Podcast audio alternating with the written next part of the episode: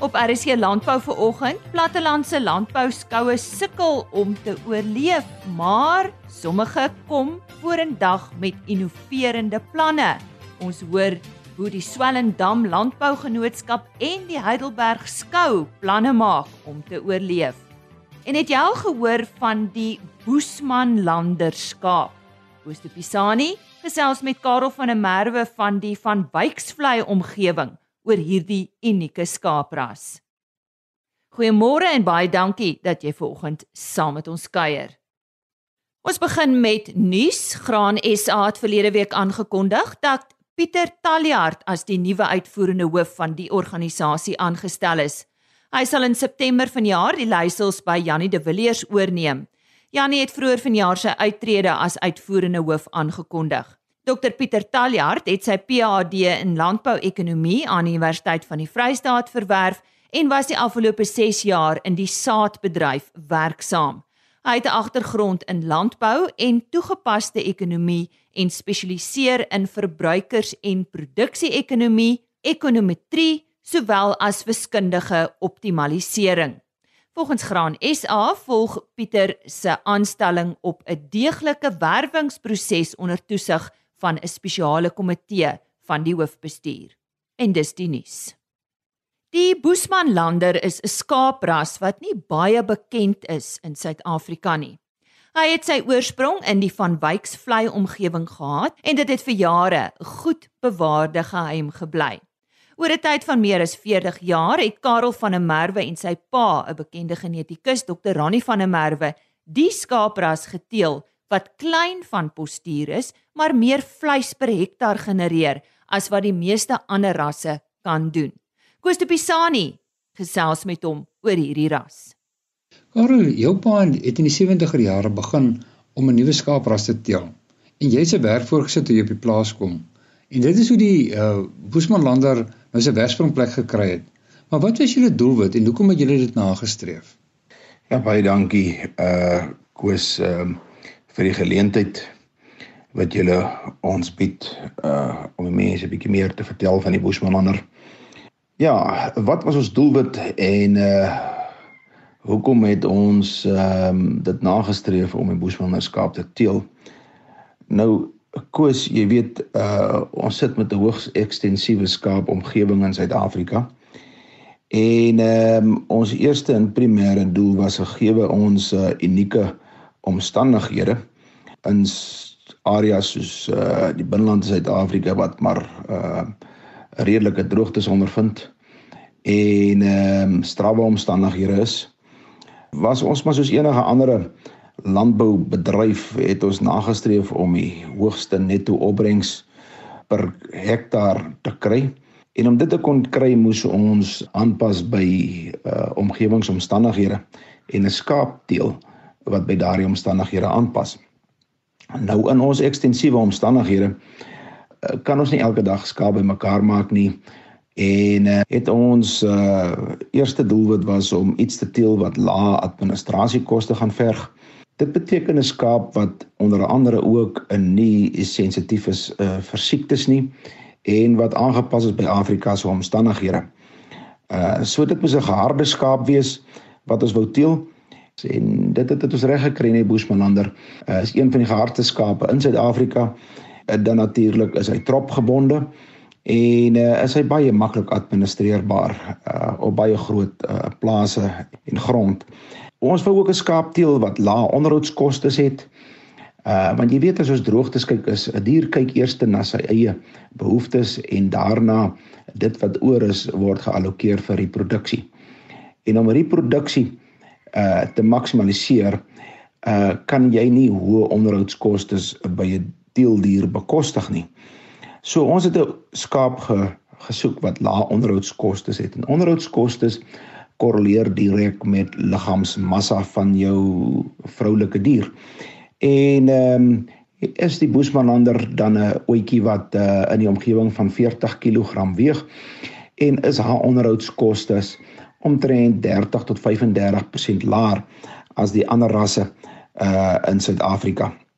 En dan natuurlik moet 'n mens kyk na uh, kwaliteit vleis en dit wat die mark se behoeftes is En oor 'n baie lang periode kry jy reg om 'n skaap selektief seleksie so te kry dat hy op die ou einde uh, markaanvaarbaar is en 'n hoogs kwaliteit vleis te produseer. En daardie doel dink ek het ons baie goed geslag. Ons het byna geen afgraderings in die Boesmanlander uh na 40 jaar se seleksie nie.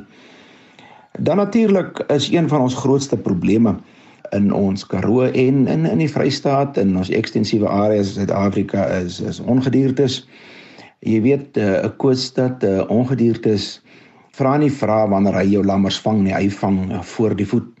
Wanneer jy meer skaap per hektaar kan aanhou, het jy ook meer lammers per hektaar.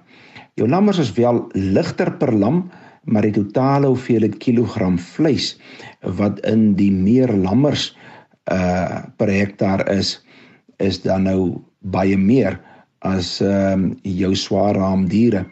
En wat ons dan kry is as die jakkals 'n lammetjie vang, is dit 'n baie kleiner persentasie wat ons afstaan aan ongedierte verliese omdat die eenheid uh wat dan nou in elke lammetjie is ligter is as uh uit die groter persentasie van totale hoeveelheid lammers as wanneer jy bio swaar raamdiere kry.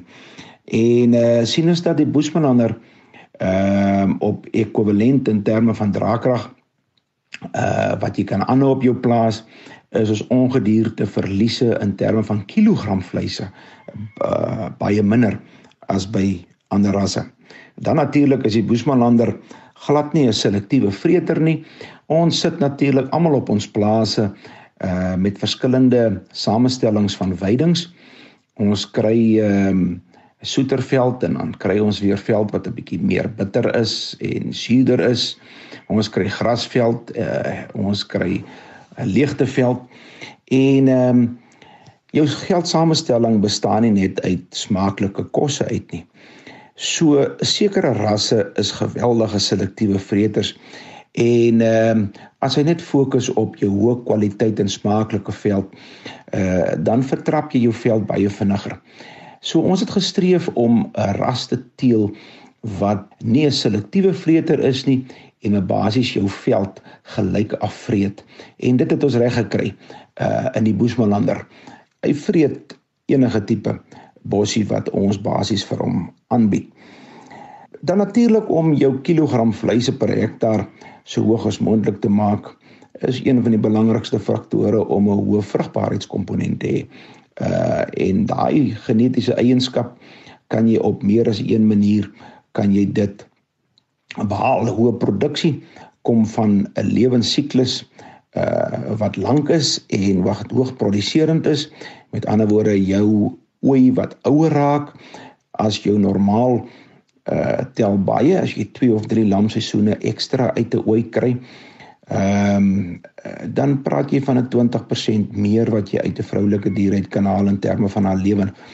En 'n boesmelander raak omtrent 2 jaar ouer as die swaarrame diere. Ons kry baie meerlinge en uh dit is geneties 'n ras wat uh baie hoogs vrugbaar is in terme van meerlinge. Ehm um, ons kry maklik uh, tussen 25 en 40% meerlinge per jaar of per lamseisoen natuurlik uh op ons boesmanander en dan natuurlik ook jou lam intervalle ons ehm um, boesmanander is nie sensitief vir seisoene nie en kry ons dan elke 7 tot 8 maande kry ons 'n lamseisoen uit ons oetjies uit. En dit maak dat jy gemiddeld 1 en 'n half lamseisoen per jaar kan kry. En al hierdie faktore saam het ehm um, bygedra tot die ontwikkeling van die Boesmanlander en was ons motivering om die Boesmanlander te kry waar hy vandag is. Uit watter diere is die Boesmanlander geteel?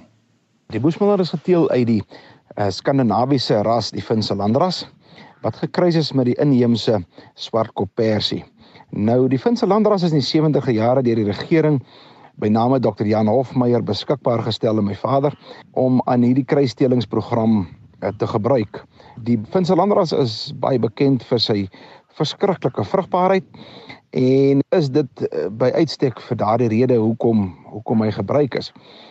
Natuurlik moes dit gekruis word met inheemse rasse wat gehard is en is die swart koppersie vir daardie doeleindes uh gekies.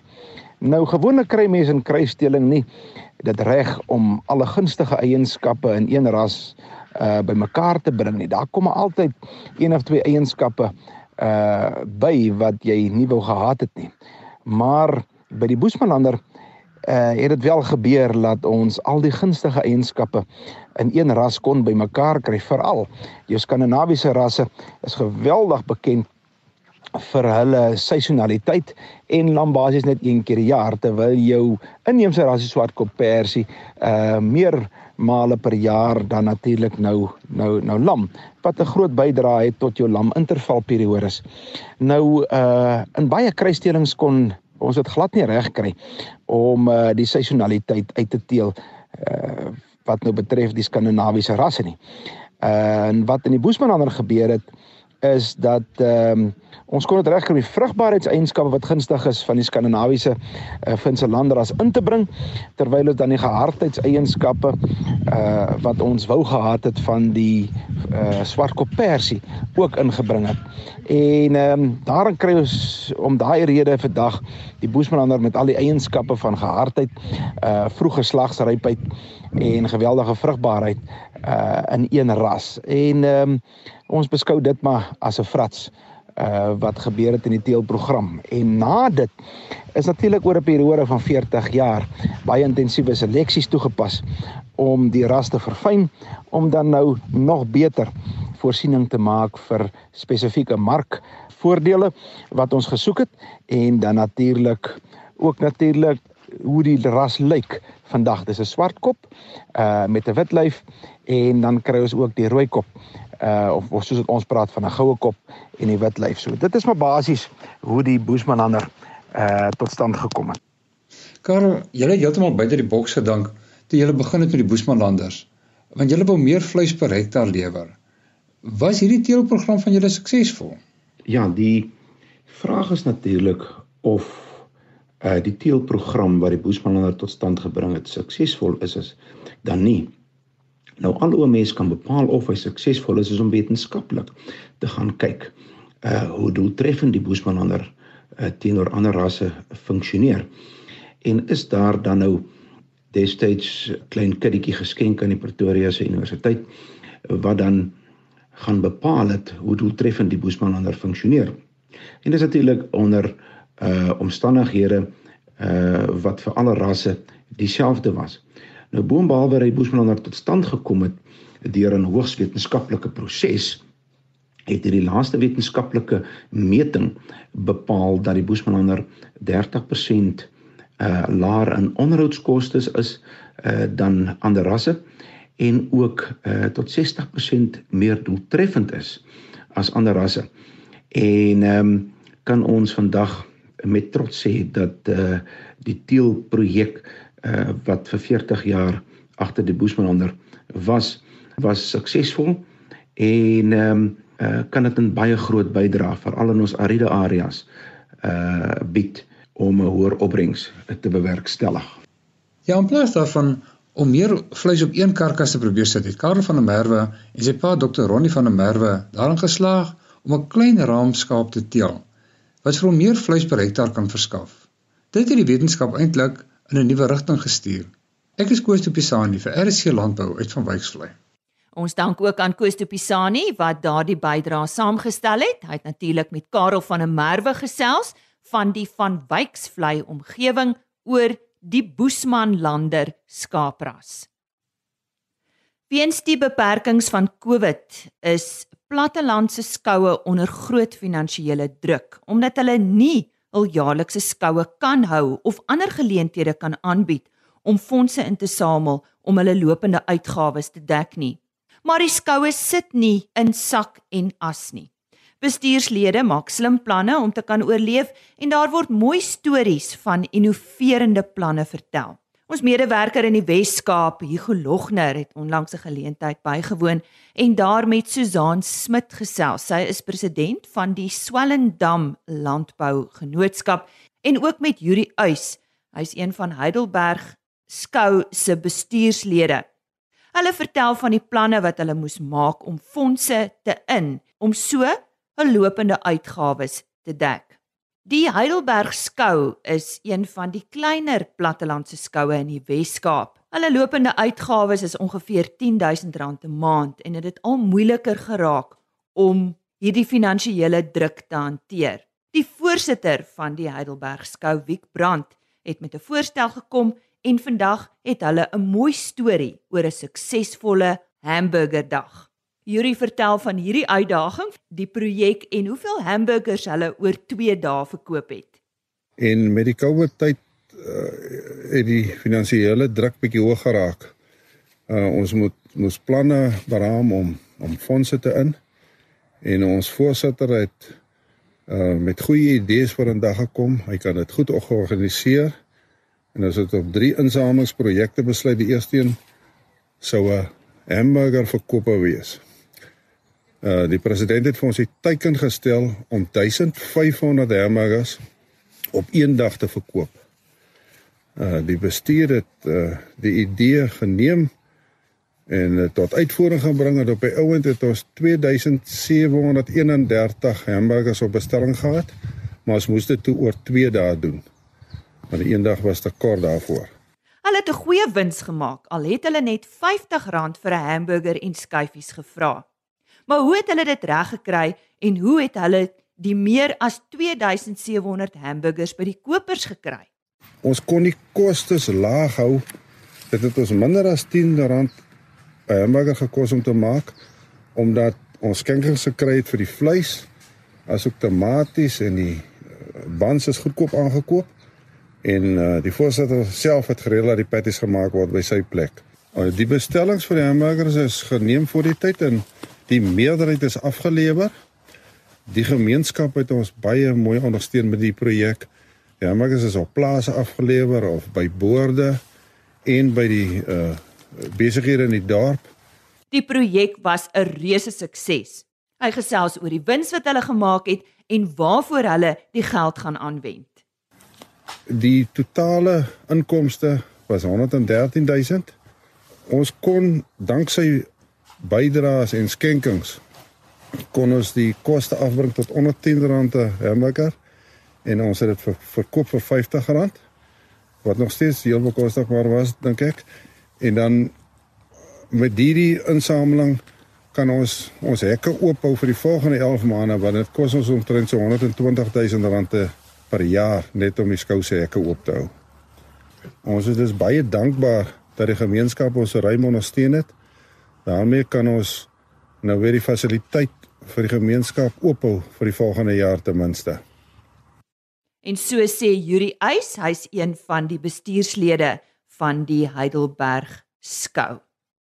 Swellendam bied een van die oudste skoue in Suid-Afrika aan en het 'n jong en innoverende bestuur. Hulle is een van die min plattelandse skoue wat groei en geld aan nuwe infrastruktuur spandeer. Susan Smit, die president van die Swellendam Landbougenootskap, vertel van die skou en ook van die afgelope 2 jaar se uitdagings. Ons bedryf Swellendam skougronde. Ons het 'n bestuur van min of meer 30 mense en ons almal werk verniet vir die gemeenskap om ons skougronde te onderhou en om ten einde 'n skou te kan 'n landbouskou te kan aanbied.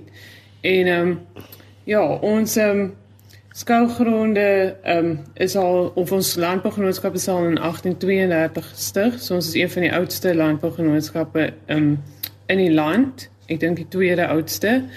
En ehm um, ja, ons um, skou elke jaar en ons kon nie hierdie jaar skou nie as gevolg van COVID. Ons het ook terugslag in die afgelope jaar gehad. Ons vorige skou in 2020 het ook ons was baie um, van ons diereklasse afstel as gevolg van back and closure. Ons het uitgevind van dit einde van 2019 dit het ons 'n groot invloed op ons skou gehad. Dit is baie ehm um, landbouvertoners verloor het. En um ons diereskou het toe nou net bestaan uit pluimvee en perde. So dit was 'n reuse verlies vir ons en ons het toe maar probeer um terugval op vermaak en ons het um beter vermaak gekry en 'n half fees atmosfeer probeer skep wat glad nie die doel is nie want ons is 'n landbougenootskap so dit was vir ons um baie swaar geweest. Die Swellendam Landbougenootskap kry hul hoofinkomste tans van veeveilings wat elke maand op die skouterrein gehou word. Maar daar's ook ander klein projekte wat geld inbring. Ook met 2020 se skou in daai jaar het ons 'n wynveiling gehad aan die einde van die jaar wat ons hoof van ons insameling is en ons skou dans. En dit was 'n reuse sukses. Ehm um, dit was sou ons geld gewees het om skou te hou, maar na ehm um, die ehm um, hard lockdown het ons ehm um, gelukkig te nou daai tyd was die um inperking so dat ons kon die twee funksies aanbied en ons kon nie geld genereer maar toe weer in begin 2021 vind ons toe nou uit ons kan nie voortgaan met ons skou nie. En um dit het vir ons reuse uitdagings gebring want ons het onkoste aangegaan om 'n nuwe pleinvee lokaal aan te bou want ons wou ons pleinvee skou vergroot en ons ou pleinvee lokaal het ons um is eg Swellendam se bierbrouery wat daar hier en en nou bier brou en hulle maak gin ook. En ehm um, ons het dit vir hier en hulle ons wil graag daar hou permanent. So toe het ons moes ons die bouery klaar maak en ehm um, in daai tyd het ehm um, ons toe nou ook ons het ons lewensaar by die skou is GWK wat hulle veeveilings maandeliks daar by ons hou. Pieter Skutte wat hulle agent is, hy wo woeker verskriklik om vir ons genoeg vee te bring om dit winsgewend te maak vir hulle en vir die skou. En sonder daai maandelikse inkomste kan Salenam skou nie um, die lopende onkoste elke maand dek nie. COVID-19 en back and closure het hulle die afgelope 2 jaar hard geslaan. Maar asof dit nie genoeg is nie, stel die dierebeskermingsvereniging voortdurend nuwe vereistes wat dit nie vir hulle maklik maak nie en verdere druk op hulle plaas. Toe het die SPCA in Swellendam ons um, begin moeilikheid gee oor diere wat op trokke is. Ons moes toe nou nog varkhokke aanbou wat ons omtrent R70000 uit die sak het gejaag het. En um En so die vergewe K was wat om met ons hande gevat het en vir ons ehm um, die geld voorgeskiet het, nie sou ons net eenvoudig dit nie kon doen nie. En as ons veeveilings doodloop, ehm um, het ons geen groot inkomste nie. Ons het verhuurings, maar ons verhuurings gaan ehm um, in ons munisipale rekening ensovoorts in, maar daar's soveel ander rekeninge wat ons moet betaal, ehm um, soos ons koöperasie rekening en die onderhoud, die instandhouding van die gronde dat ons sal dit net eenvoudig sonder die veilinge kan doen nie. Toe het ons weer moeilikheid nou gekry later van die um, ehm, SPCA wat ook wil waterbakkies hê vir al ons krale en um, ons dit is ook weer hier by die 40000 rand se uitgawe wat ons het nie. Nou het hulle het hulle ons laat weet dat dit gaan wet raak dat ons um, trokke wat die vee afraai as gevolg van back and closure moet hulle deur 'n voetpad kan ry. En ehm um, dit gaan ons omtrent R60000 in die sak uitjaag wat ons ook nie het nie. En ehm um, ons is so bevoorreg dat ons het so 'n goeie verhouding met GWK dat hulle bereid is om dit vir ons weer voor te skiet op 'n leningbasis en ons het dan oor 'n tydperk terugbetaal. Die skouterrein word goed onderhou. Maar dis nie sonder die ondersteuning van plaaslike besighede en in hierdie geval ook die munisipaliteit nie. Nou as dit nie was vir GWK nie, dan was ons skoolgronde seker nie in die goeie toestand wat dit nou is nie. Ook ons het um, ons wynvulling en skoude ons wat elke jaar van ons um, ons geld waarmee ons skou hou inbring. Ons skoude ons word omtrent die hele dans word geborg deur ons um, Swellenham Spar. En as dit ook vir hulle was nie, sou ons nie daai inkomste sou ons sou nie eintlik wins gemaak het op die skoude ons nie. Maar ehm um, Nou ook in hierdie tye wat ons sukkel om ons rekeninge te betaal, was ons munisipaliteit baie ons baie goed ondersteun en hulle probeer ons help waar hulle kan. Hulle het ons tegemoet gekom deur 'n afbetalingsooreenkoms vir ons rekeninge te gee sodat ons um 'n bietjie meer ons geld kan versprei dat ons net al ons rekeninge kan betaal. En um ek dink dit is so belangrik vir 'n landbougenootskap soos Swellendamse want ons is die hart van ons um landbouomgewing en ook um die ekonomie. Swellendam se skouterrein se voordeel trek wyer as net die landbou. Hulle doen veel meer om 'n bydrae tot die dorp se ekonomie te lewer wat groot voordele vir die dorp inhou, soos werkskepping. Die skougronde bring nie net vir landbou 'n uh, inkomste nie. Ons um, bied die Double Century fietsred wedren vind plaas op die skougronde, die Randepad fietswed wedren.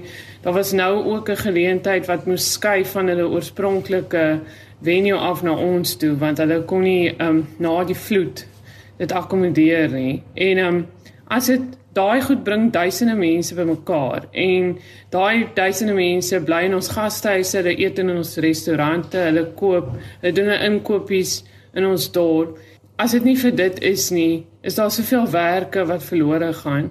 So deur middel van die skougronde wat so sentraal is, is dit saam met ons munisipaliteit vir ons graag werk en hierdie geleenthede meer maak sodat die skougronde kan voortbestaan en dat ons dan ten einde 'n hoë kwaliteit skou kan aanbied soos altyd en dat ons dorp werksgeleenthede kry en dat daar 'n goeie um plaaslike ekonomie kan wees. Um ons wil graag aanhou werk skep. Die skou self skep ook werk vir soveel mense wat um ons gee vir minder bevoorregte mense ook um skoukaartjies en nooi hulle skou en ons voed kinders op om te leer om met diere te skou. Ons probeer om um plaaslike klein boere te betrek by die skou. Ons skep klasse vir hulle.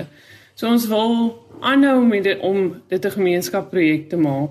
Maar sonder ondersteuning van buite af kan ons dit doen nie. En ons is so bevoorreg met ons dorp se besighede um wat hande gevat het met ons en hulle het Kobie het uitgewerk in die afgelope 2 jaar is daar 300 000 rand op daai skougrond gespandeer en dit is alles vanaf borge nie 'n sent uit die skou se sak nie en daarvoor is ons baie dankbaar vir Susan Smit is die oorlewing van ander landbouskoue belangrik. Hoe kan gemeenskappe en skoue mekaar help? En ek dink Swellendam se gemeenskap is ongelooflik en ek wens dat alle um munisipaliteite en um klein plattelandse gemeenskappe sou kan saamwerk want dit is wat ons in die lewe hou. My versoek aan alle plaaslike gemeenskappe is kom ons help mekaar. Ehm um, ons skoue kry swaar, maar ons is platlandse dorpies wat na aan mekaar is en ehm um, ons kan mekaar help en ondersteun hierdeur. Kom ons praat met mekaar want dis al hoe ons hierdeur gaan kom. Help jou buurdorpe en vra hulle om jou te help. Ons ons almal werk vir dieselfde doel. Susan Smit, die president van die Swellendam Landbou Genootskap en Hugo Logner het tydens 'n geleentheid oor plattelandse landbou skoue beide met Susan Smit en Yuri Uys gesels. En op hierdie noot groet ons dan tot môreoggend net so skuins na 5 weer 'n aflewering van RSG Landbou. Besoek gerus www.agriorbit.com vir die potgooi van die verskeie onderhoude of die RSG Landbou webtuiste, daar word die volledige program as potgooi gelaai. Ons e-posadres rsglandbou@plaasmedia.co.za. Tot môre, totsiens. RSG Landbou is 'n produksie van Plaas Media. Produksieregisseur Henny Maas. Aanbieding Lisa Roberts. En inhoudskoördineerder Jolandi Root.